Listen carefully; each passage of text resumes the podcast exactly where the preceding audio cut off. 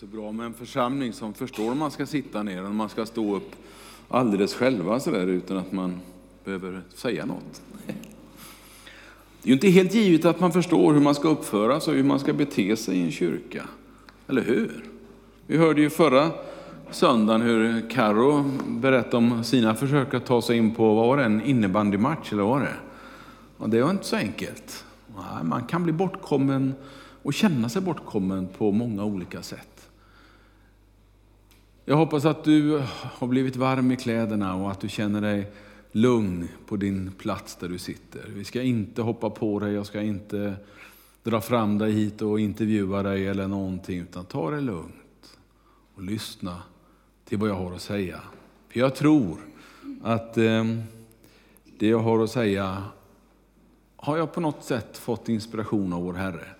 När vi har planerat den här hösten, jag och Karo, så gjorde vi så att vi, eh, vi satt och bad och vi funderade.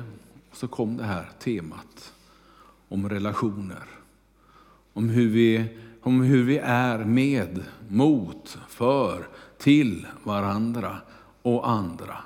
Och egentligen så kan man involvera hela mänskligheten i det här. Och det gör ju ämnena oändliga dessutom. Och ändå så har vi försökt att landa i några ämnen under hösten tillsammans med, med Pelle. Jag kommer att tänka på det när du sitter där Pelle. Det, han har några riktigt spännande ämnen framför sig också. Lycka till med de förberedelserna. De är inte enkla men det ska bli jättespännande. Eh, det här ämnet som jag har fått idag, att, att leda och ledas, det kanske inte är den bästa rubriken. Det kanske inte, jag är ingen sån där eh, rubrikmakare. Jag har vänner som jobbar professionellt med det eh, på tidningar, men, men eh, jag är inte någon rubrikmakare. Så jag ber med en gång om ursäkt om du tycker att du, att du känner dig ledas. Det, jag vill inte ledas heller. Nej, nej, men det är lugnt. Du kan vara någonting mittemellan. Bara du förstår grejen liksom lite grann när jag, när jag talar så kan du hoppa över rubriken till och med om du vill det. Det är helt okej. Okay. Men jag menar att oavsett om jag är ledare i Guds rike eller om jag är församlingsmedlem som för det mesta kanske inte har den uppgiften, så är det ändå ett gemensamt ansvar vi har att driva församling, att vara församling. Eh, och därför så, så har jag med frimodighet tagit mig an detta ämne och förberett mig under, ja, hur ska man säga, lång tid. Det låter väldigt mycket, men, men eh, tankarna har snurrat kring det här ganska länge. Eh, och det gör det inte enklare kan jag tala om. Ju mer man tänker, ju mer material kommer ju. Eh, och ju mer gestalter och situationer stiger fram ur bibelboken. För den har jag ju läst sedan jag var tonåring.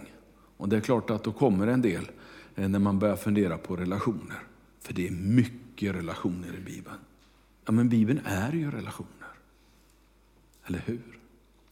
Så därför så är jag glad för den texten du läste David förut ur, ur eh, Johannesevangeliet. Jag kommer att återkomma och, och landa i den lite, lite senare i min predikan.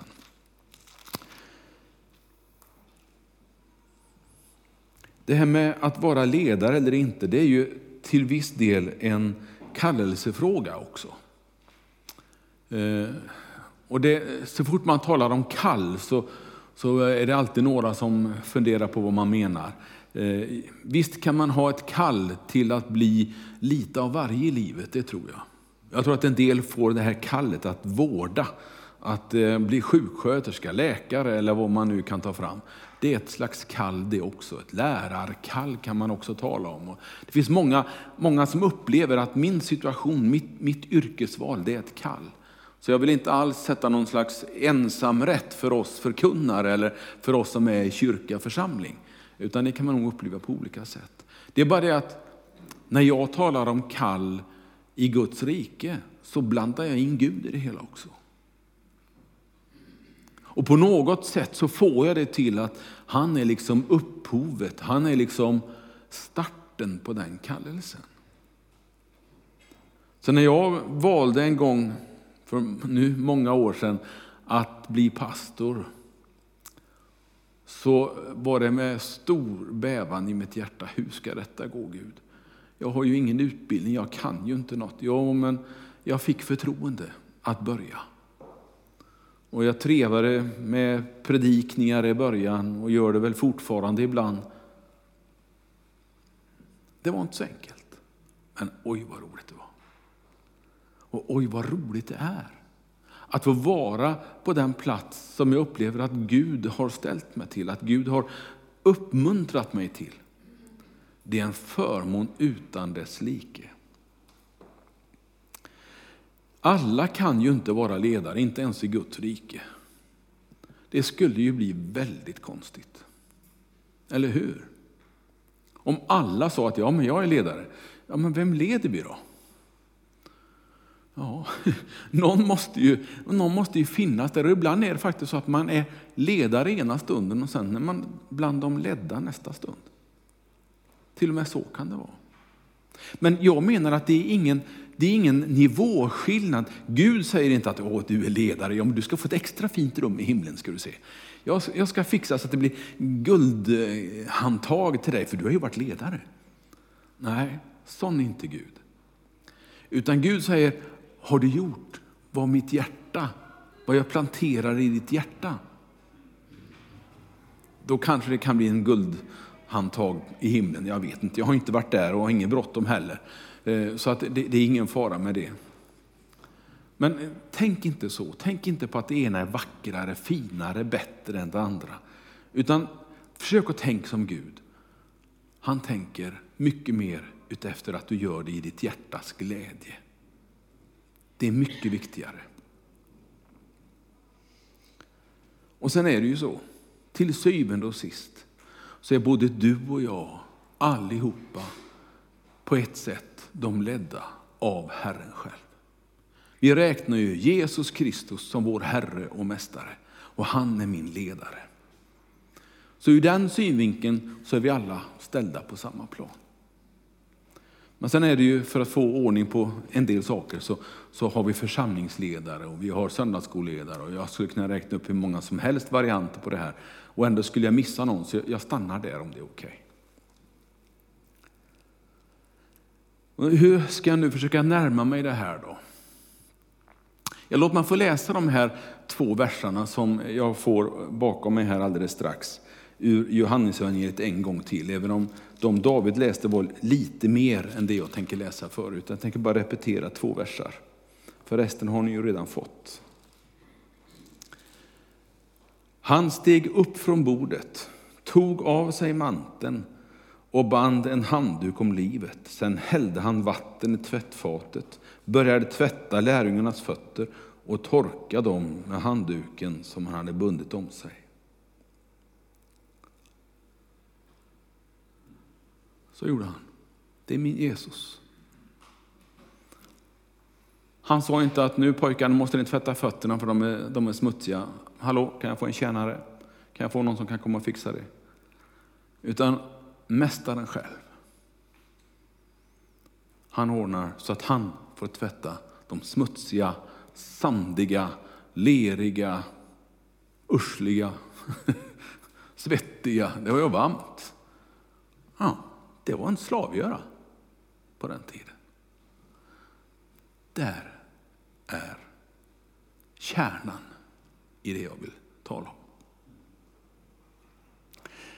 Låt mig ändå försöka få dela upp det här i några olika delar så att det blir ordning och reda i mitt huvud i alla fall. Om jag lyckas skapa ordning och reda i ditt, det vet jag inte, för vi är ju lite olika. Men jag ska göra ett försök. Jag tänkte börja fundera kring att vara att vara ledd, det här folket. Om man får uttrycka det så istället. Och då tänker jag på Israels folk i Egypten och när de leds ut ur Egypten. Gud är med dem. Gud han, han till och med ordnar en, på dagen en molnstod som liksom går före dem för att visa dem vägen. Och på natten så är det en eldstod som gör något liknande. Gud är med dem. Och ändå så är Gud beroende av en ledare. Han är beroende av Mose i det här fallet. Och Mose han var ju den perfekta ledaren. Han var ju den som hade gjort alltihopa. Jag återkommer till honom och ska förklara lite senare. Men först lite grann mer om folket.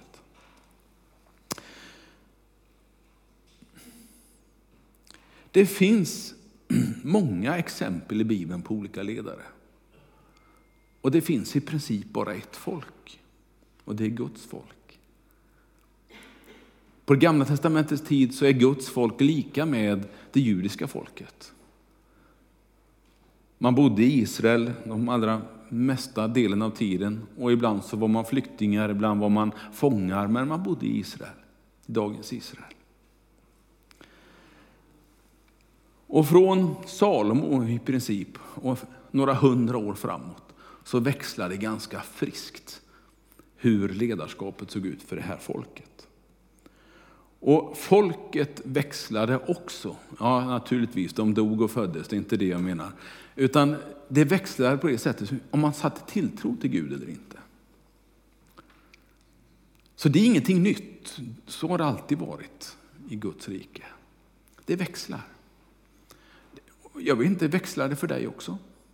Det växlar lite för mig också. Ibland är jag jätteglad och tycker församlingen bästa på jorden. Det här är, jag kan inte få en bättre församling. Och ibland så knorrar jag och tycker, nej Gud, oh, jag orkar inte. Ska jag behöva säga det igen? Ja, det är bara att ta det. Ska jag behöva göra det här igen? Men Gud, vi har gjort det här en gång redan. Det här gjorde de ju förra generationen. Ska vi behöva göra det igen? Ja, det är bara att göra om det.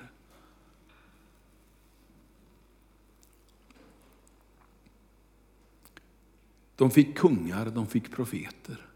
Ibland så var kungarna och profeterna de var helt rätt och profeterade och liksom ledde folket till segerrika storhetstider. Och ibland så gick det fullständigt åt skogen.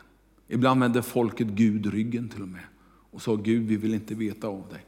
Det tog inte så många dagar, man hann knappt att bli torr om fötterna efter Röda havet förrän man som ut Vandrat folk ur Egypten började att klaga på Mose och klaga på Gud. Och sa Gud, nej, vi går tillbaka till våra kokande grytor med god mat i Egypten. Och så hade man redan glömt eländet som var där.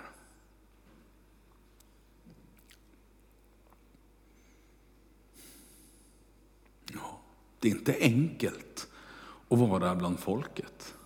Det är inte enkelt och liksom eh, vara tillsammans i Guds rike. Hade det varit så att alla vi hade varit lika, då hade det varit mycket enklare. Då hade ju alla tyckt som jag, då hade vi inte behövt några församlingsmöten. Därför att alla hade redan tyckt som jag. Eller som du. Men det är ju en finess att vi är lite olika. Att du är som du och jag som jag. Och sen så får vi försöka att fixa ihop det här. Det är vårt lilla uppdrag. Att hitta den där vägen och gå framåt och känna yes, det är vägen som är grejen, inte hur jag tycker att det ska vara, eller vilken färg jag har på skjortan, eller hur, hur det ska se ut i kyrkolokalen. Det är inte det viktigaste i Guds rike. Utan det är att komma framåt, möta nya människor. Få se nya människor bli troende och komma in i Guds rike.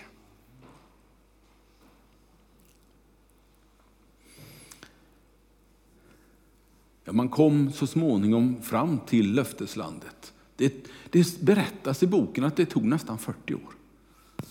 Att vandra omkring i den här lilla öknen som heter Sine, ja så förskräckligt liten är den ju inte, men det är ju ingen jätteöken heller. Men där irrade man omkring och slog läger och bröt upp i 40 år innan man kom fram till löfteslandet, innan man liksom vågat ta klivet in.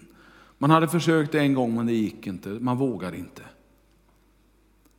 Som man, det bor ju jättar där inne. Och städerna de är ju görstora, de är befästa. Murarna är ju meter tjocka på många meter till och med. Det går inte. Nej. Då fick man vända och så fick man ta ett varv till. Så höll man på så i 40 år innan man kom fram till Jordansflodens strand och kunde ta med sig arken över och sen är resten historia hur man tar över landet. Utan Mose men med Josua i ledningen. Så jag menar inte att det är enkelt att vara bland folket. Men jag önskar att du skulle förstå att det inte är enkelt att vara bland ledarna heller. Hur tror du Mose kände det när de, när de tjötade på honom eh, om att de inte fick mat, att de inte hade vatten? De var ju i en öken. Det drällde ju inte av varken det ena eller det andra. Så Gud fick ju lösa det. Han sa, okej, okay, jag gör så att det finns manna på, på marken. Och Mose han fick ta, en gång fick han ta sin stav och, och, och riktigt banka på en klippa. Då var det som om Gud vred på vattenkranen det kom vatten ur klippan. Sen skulle han tala till en klippa, men där, där som tvekade Mose. Nej, nej, jag gör som jag brukar göra, sa han. Och så klippte en till på klippan igen. Men Gud hade bett att han skulle tala. Så inte ens Mose var perfekt. Ingen av dem var ju perfekta. Och det är inte meningen heller. Det är inte meningen att varken du eller jag ska vara perfekta. Men vi får göra så gott vi kan. Och så blir det fel ibland. Men då säger inte Gud, Bengt du är hopplös. Nu är du 60 år fyllda och du har inte fattat det här ännu. Ska du göra så här? Nu, nu drar jag till Skövde. Och så tar jag hand om församlingen där istället. Jag välsignar Sven. Bengt, du får klara dig bäst du vill. Nej, tack och lov är inte Gud sån. Utan den dagen jag gör bort mig på ett eller annat sätt, vilket naturligtvis redan har skett under mina två år här, så är Gud den där nådefulla, kärleksfulla Guden. Säger Bengt, vi kör ett varv till. Gör inte om det här. Lär dig av det. Ja, så får man försöka en gång till. Och det är Gud. Det är hans ledarskap. Hur jag utövar mitt ledarskap, hur jag är bland folket, ja, det kommer jag få ta till svars för en dag.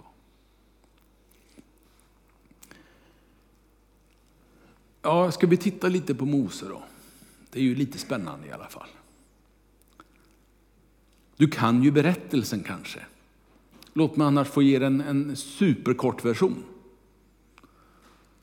Han föddes och växte upp och bodde i Egypten. Han var av judisk börd. Mamma och pappa var judar, de var slavar. Men eh, Mose han växte upp i hovet. Och jag drar inte den historien för den är så spännande och kul. Men, men det får du överleva.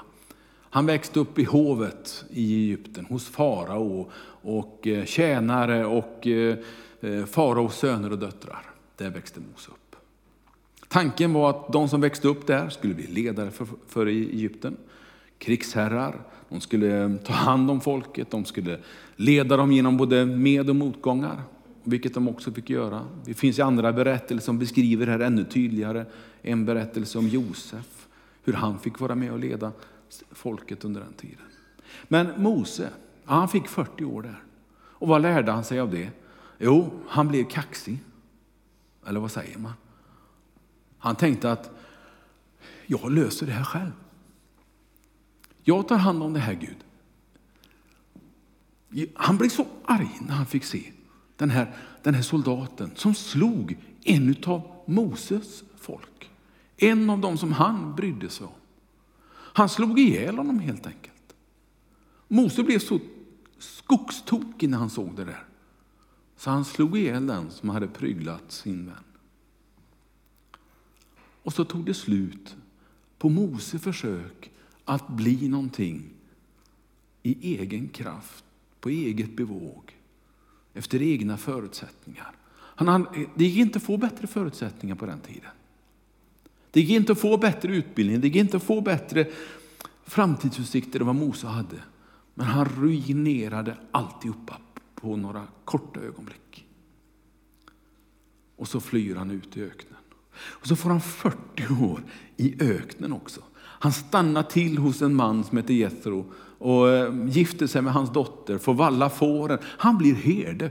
Han var faraos son på ett sätt. Men blev en herde.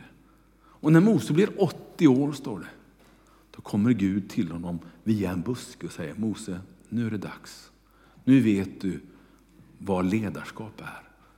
Nu har du gått i två skolor. Du kan leda på det sättet, men du kan också leda nu på det här sättet. Mose, nu vill jag att du och jag befriar folket. Nej, aldrig i livet, sa Mose. Du lyckades jag inte med de bästa förutsättningarna från hovet. Så... Nej, nej, att gå inför farao igen, det funkar ju inte. Det förstår du väl Gud? Jag kan ju inte ens prata ordentligt. inte jag heller tydligen. Jag kan ju inte ens tala som Mose. Man måste vara tal, för man måste veta vad jag ska säga. Nej, Gud, det går inte. Och den motsträvige Mose hamnar inför farao. Efter lite snack fram och tillbaka så står han där och säger, släpp mitt folk. Gud har sagt, släpp mitt folk. Och efter en tid av lite ja, fram och tillbaka där också, så kommer den här morgonen när Mose tar sin stav och så börjar han att vandra. Och han knallar.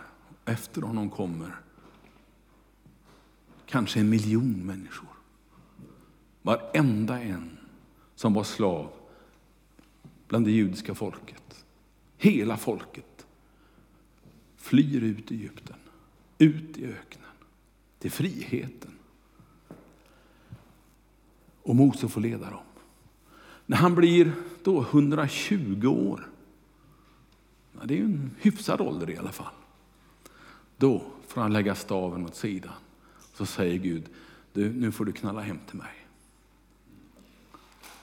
Och så blir den gemenskapen helt fantastisk.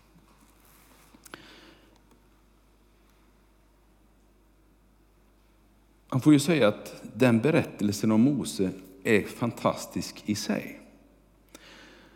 Han är med om både misslyckande, upprättelse och total seger. Och ändå så liksom får han inte njuta av sötman att få bo i löfteslandet, vara där. Varför? Ja, det är egentligen en annan berättelse det också. Men det här kan spegla lite granna hur det är att vara ledd, hur det är att vara en av det stora folket. Det är inte så enkelt. Man kan från bägge håll tycka att vi borde ju bli så här. Ja, hjälp, det är inte enkelt. Och ibland får man, vad heter det nu då, kompromissa. Man får liksom hitta en gemensam medelväg. Och så får man gå den och så får man säga att ja, det blev inte som jag ville. Jag ville ju att det skulle vara så här och jag ville det jättemycket. Men okej, okay, nu har vi det så här. Då gör vi så här Sven. Då, då tar vi den här vägen Patrik. Då, då går vi den här vägen. Och så får var och en haka på den vägen och gå tillsammans. Låt mig ändå få landa, det börjar bli dags så småningom här. Jag ska inte avsluta än, jag har en punkt kvar. Jag kan ju inte tala om att leda och ledas utan att möta det finaste exemplet. Han som inte misslyckades. Jesus Kristus. Hur var han som ledare? Hur var hans eh, följare? Hur var det folket? Ja, folket de var nog som folk i allmänhet. De var nog som Israels folk, de var nog som du och jag. Det gick lite olika bra. Eller vad säger du? Titta på de här tolv som vi kallar för apostlar. Hur gick det för dem? Hur resonerade de? Ja, ena gången så satt de och pratade med varandra. Jag undrar vem som får sitta på Jesu högra sida. Det, det skulle jag vilja sitta, jag är ju så bra. Det går ju så bra för mig just nu. Jag tror att jag får platsen där vid sidan av Jesus. Där ska jag ha min plats. Och Jesus som bara, pojkar har ni inte kommit längre. Och så tar han itu med det. En annan gång så är det någon som tar och säger, Åh Jesus, du vet att du kan lita på mig. Vad som än händer så jag kommer att stötta dig. Jag kommer att hjälpa dig. Jag kommer att stå vid din sida. Och här är ett svärd. Jag, jag ska försvara dig. Några timmar senare säger han, Jesus? Nej, den har ingen aning. Han är ju från Galileen. Nej, nej, jag har ingen aning vem han är. Aldrig sett han förut. Så kvaliteten kanske inte var det bästa. Och ibland har jag funderat på Jesus, hur kunde han välja de här tolv? Hur kunde han välja så unga människor? För de allra flesta av dem var riktigt unga. Man tror att Petrus var bland de äldre. Och han skulle ju vara bland de smartare då, men det visade sig att det kanske inte var så alla gånger. Kan det vara så kan det vara så här att Jesus såg någonting i de här människorna som han mötte? De här tolv. Någonting som ingen annan såg. Alla andra såg fisknätena runt omkring dem, såg fiskarna de drog upp. Men Jesus han såg blivande människofiskare. Jesus han såg en potential som ingen annan uppfattade. Det var ingen som hade kallat dem till att gå prästutbildning i Jerusalem för att bli höga fina präster i eh, en fantastisk tro och religion som judendomen var med ett underbart tempel. Alltså om vi vill renovera vår kyrka så eh, kom igen. Templet i Jerusalem, det var ett tempel. Det var en kyrka, på att säga. Vi siktar inte på att bli det. Vi siktar inte på att få en sån fin tempel som, som eh, templet i Jerusalem var, inte ens i närheten.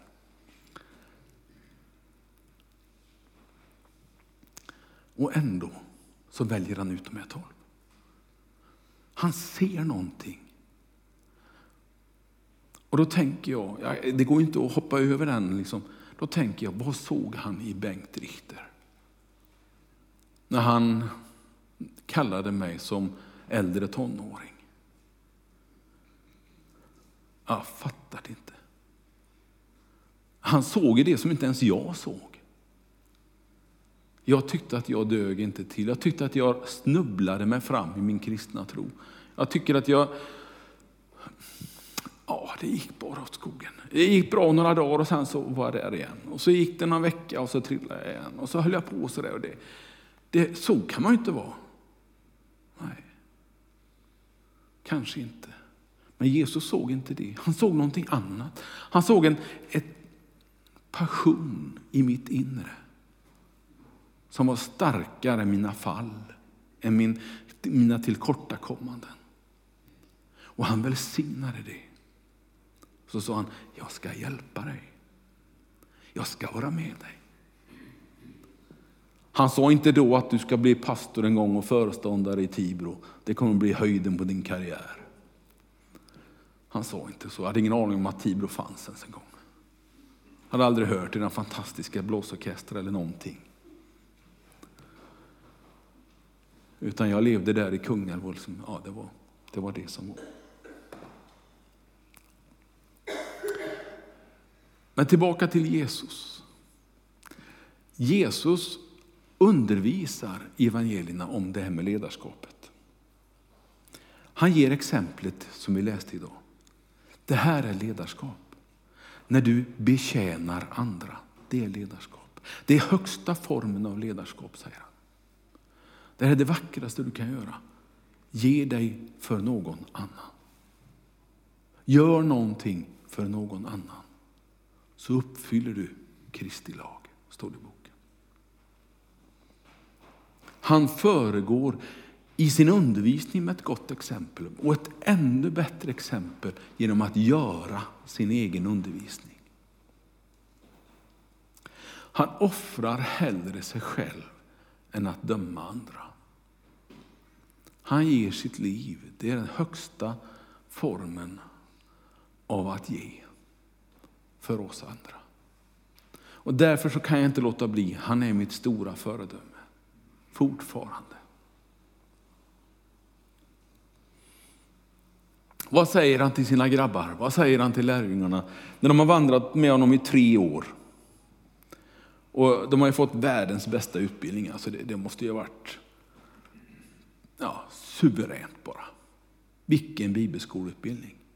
Vilken teologiutbildning de fick. Vilken praktisk inlärningsperiod de hade. Det måste ha varit, oh, tänk att få vara en liten fluga på väggarna ibland när, man, när de pratade, när han undervisade. Tänk att få sitta där på gräslänten uppe vid Galileiska sjön när Jesus har sin bergspredikan. Ja, det, det har varit fantastiskt. Vi har det nästan ordavskri, ordav, eh, vad heter det? ord för ord beskrivet i vår bok. Men ändå inte. Va? Det, det, finns ändå, det går inte att få med allt. Han skriver det i Johannes. Jag kan inte ta med allt. Det ryms inte all världens böcker det Jesus har gjort och sagt. Men han säger till dem, när de gång på gång har visat att ja, men, vi kan inte det här, vi har inte lärt oss så mycket. Vi förråder dig, vi, vi, vi lämnar dig när du får det som tuffast. Det, det är liksom slutklämmen på det hela. Men Jesus, nej, det är inte slutet. Pojkar, gå ut i hela världen och berätta om mig. Han ger uppdraget till de som inte kunde. Han ger uppdraget till de som inte fattade. Han ger dem ett fullständigt omöjligt uppdrag. Det går inte att skicka ut tolv killar som har den formen av utbildning som de hade ute i världen. Och det förstod Jesus också. Men han ger dem uppdraget på ett löfte. Gå ut och gör dem till lärjungar. Och jag ska vara med er, sa han. Och det tolkar jag som att Jesus inte bokstavligen, för han for ju till himlen, eller hur? Vad sa han istället? Jo, jag ska sända er en hjälpare, sa han. Och han ska vara i ditt hjärta. Bibeln kallar honom för helig ande. En lika naturlig del i mitt liv som Jesus själv är. Jag har inte sett varken helig ande eller Jesus egentligen, men jag tror på dem bägge. Och jag tror att den helige ande hjälper dig och mig för varje dag. Att vara ledare ibland och vara bland folket ibland. Och framförallt att se till att det hålls ihop för det mesta. Visst kan det komma, ja du vet, kilar och allt möjligt, men, men jag vet det. Det kommer nästa, en annan predikan så kommer det när, det när det blir svårt. Det kommer det också, så det är inte dagens predikan. Jag tror att uppdraget blir möjligt genom pingstens upplevelse. Genom den heliga Ande så får de kraft att vara söndagsskollärare, att jobba på tisdagskvällarna bland afterskolungdomarna, att sitta i församlingsledning, att sjunga, att hälsa välkommen, kanske en av de viktigaste jobben eh, som finns i den här kyrkan. Att hälsa välkommen och, och ge ett varmt leende och skapa en eh, varm känsla inför gudstjänsten. Att brygga kaffe så gott att det, vi bara älskar kaffet. Att baka bullar till både det ena och det andra. Allt detta tror jag den helige ande, samme ande som ledde de tolv att förkunna evangelium runt Medelhavet, fortfarande inspirerar ger kraft till kristna människor över hela vår jord. För idag är vi miljarden. Idag är vi många. Och Gud har inte förändrats. Den heliga Ande har inte förändrats. Han hjälper dig i din vardag. Han vill vara nära dig. Han vill hjälpa dig att vara den så att din kallelse kan bli fullbordad. Så att en dag när Bengt Richter lägger ner sin vandrarstav, då kan han skriva, ja, han gick med Jesus hela sitt liv. Fantastiskt att få vara med. Tack för att jag får vara pastor.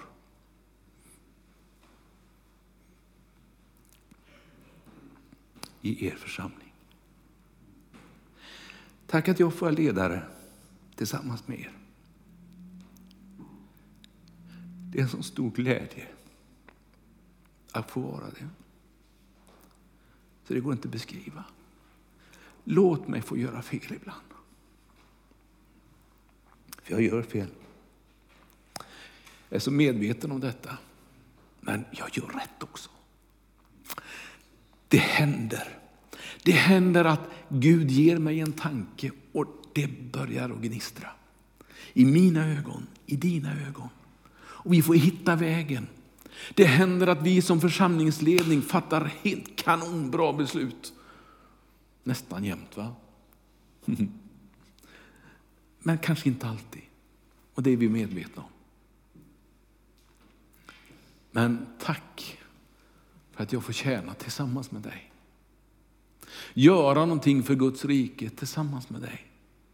Och tillsammans så tror jag att vi kan bli både ledda och vara bland folket och, bli, och ledas. I olika sammanhang på olika sätt. Och så ska vi en dag få stå hemma i himlen och vår Herre kommer att säga Tack så mycket Ni som kämpar i Tibro, i församlingarna i Tibro, i pingstförsamlingen i Tibro. Tack ska ni ha. Ni gjorde gott jobb. Jag ser fram emot den dagen. Att tillsammans med dig få stå inför tronen och glädjas över alla som är med. Glädjas över alla som har kommit till tro. Glädjas över alla som har fått gå dop, i dopgraven och viga sitt liv till Jesus. Ja, det kommer att bli underbart. Herre, nu måste jag säga amen, men ändå vill jag tacka dig först och främst. Jag vill prisa dig Herre för förmånen att få vara en av de som är i Tibro i tro på dig. Med ett uppdrag att berätta för människor. Herre, hjälp oss att göra det tillsammans. Precis som, som barnen skrev här, tillsammans ska vi jobba. Hjälp oss som ledare att vara goda ledare, Herre, med goda beslut. Hjälp oss som ett stort folk, Herre, att få vara det på ett klokt och förståndigt sätt. Älskade Far i himmelen, jag prisar ditt namn. Amen. Amen.